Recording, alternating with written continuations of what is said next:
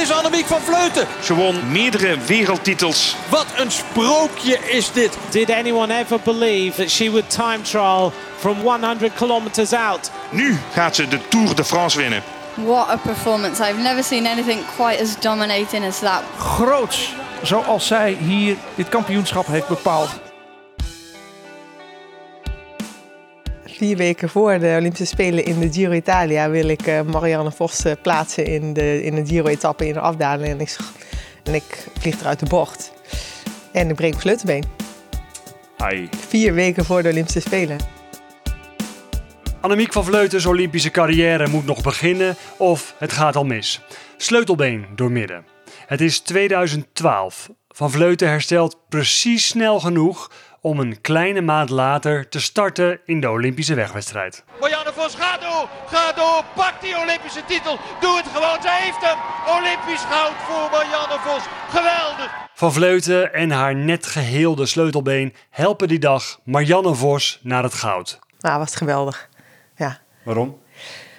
Nou, ook de voorgeschiedenis eraan voorafgaan. Ik wist dat Marianne daarvoor was ook wel, uh, nou ja, had wat, uh, ja, wat, ook wat persoonlijke hobbels uh, voorafgaand aan die Spelen gehad.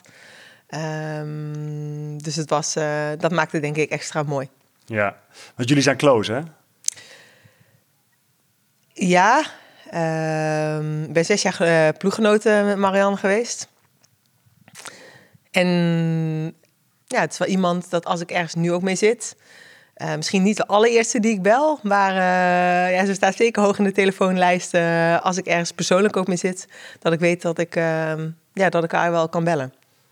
En we zagen haar toen allemaal over de streep komen, midden in Londen op de Mall. Ehm, wat hebben jullie daarna gedaan? Hoe, is toen de, hoe zijn de Spelen, of hoe is die dag voor jullie verder verlopen?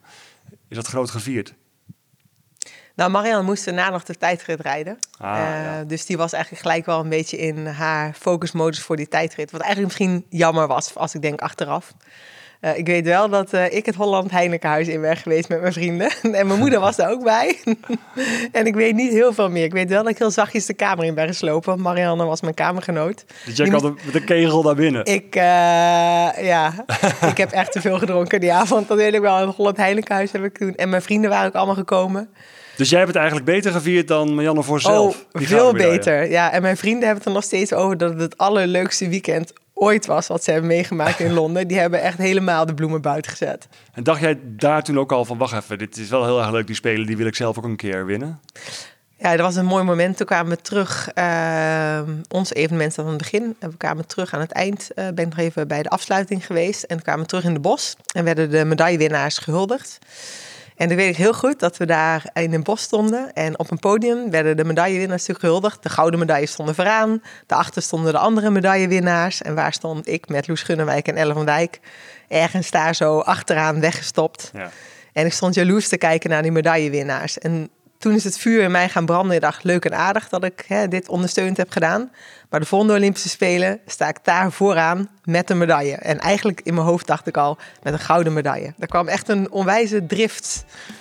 Ik weet dat moment gewoon nog heel goed. En uh, onwijze motivatie. Dat voelde zo slecht om daarachter te staan zonder medaille.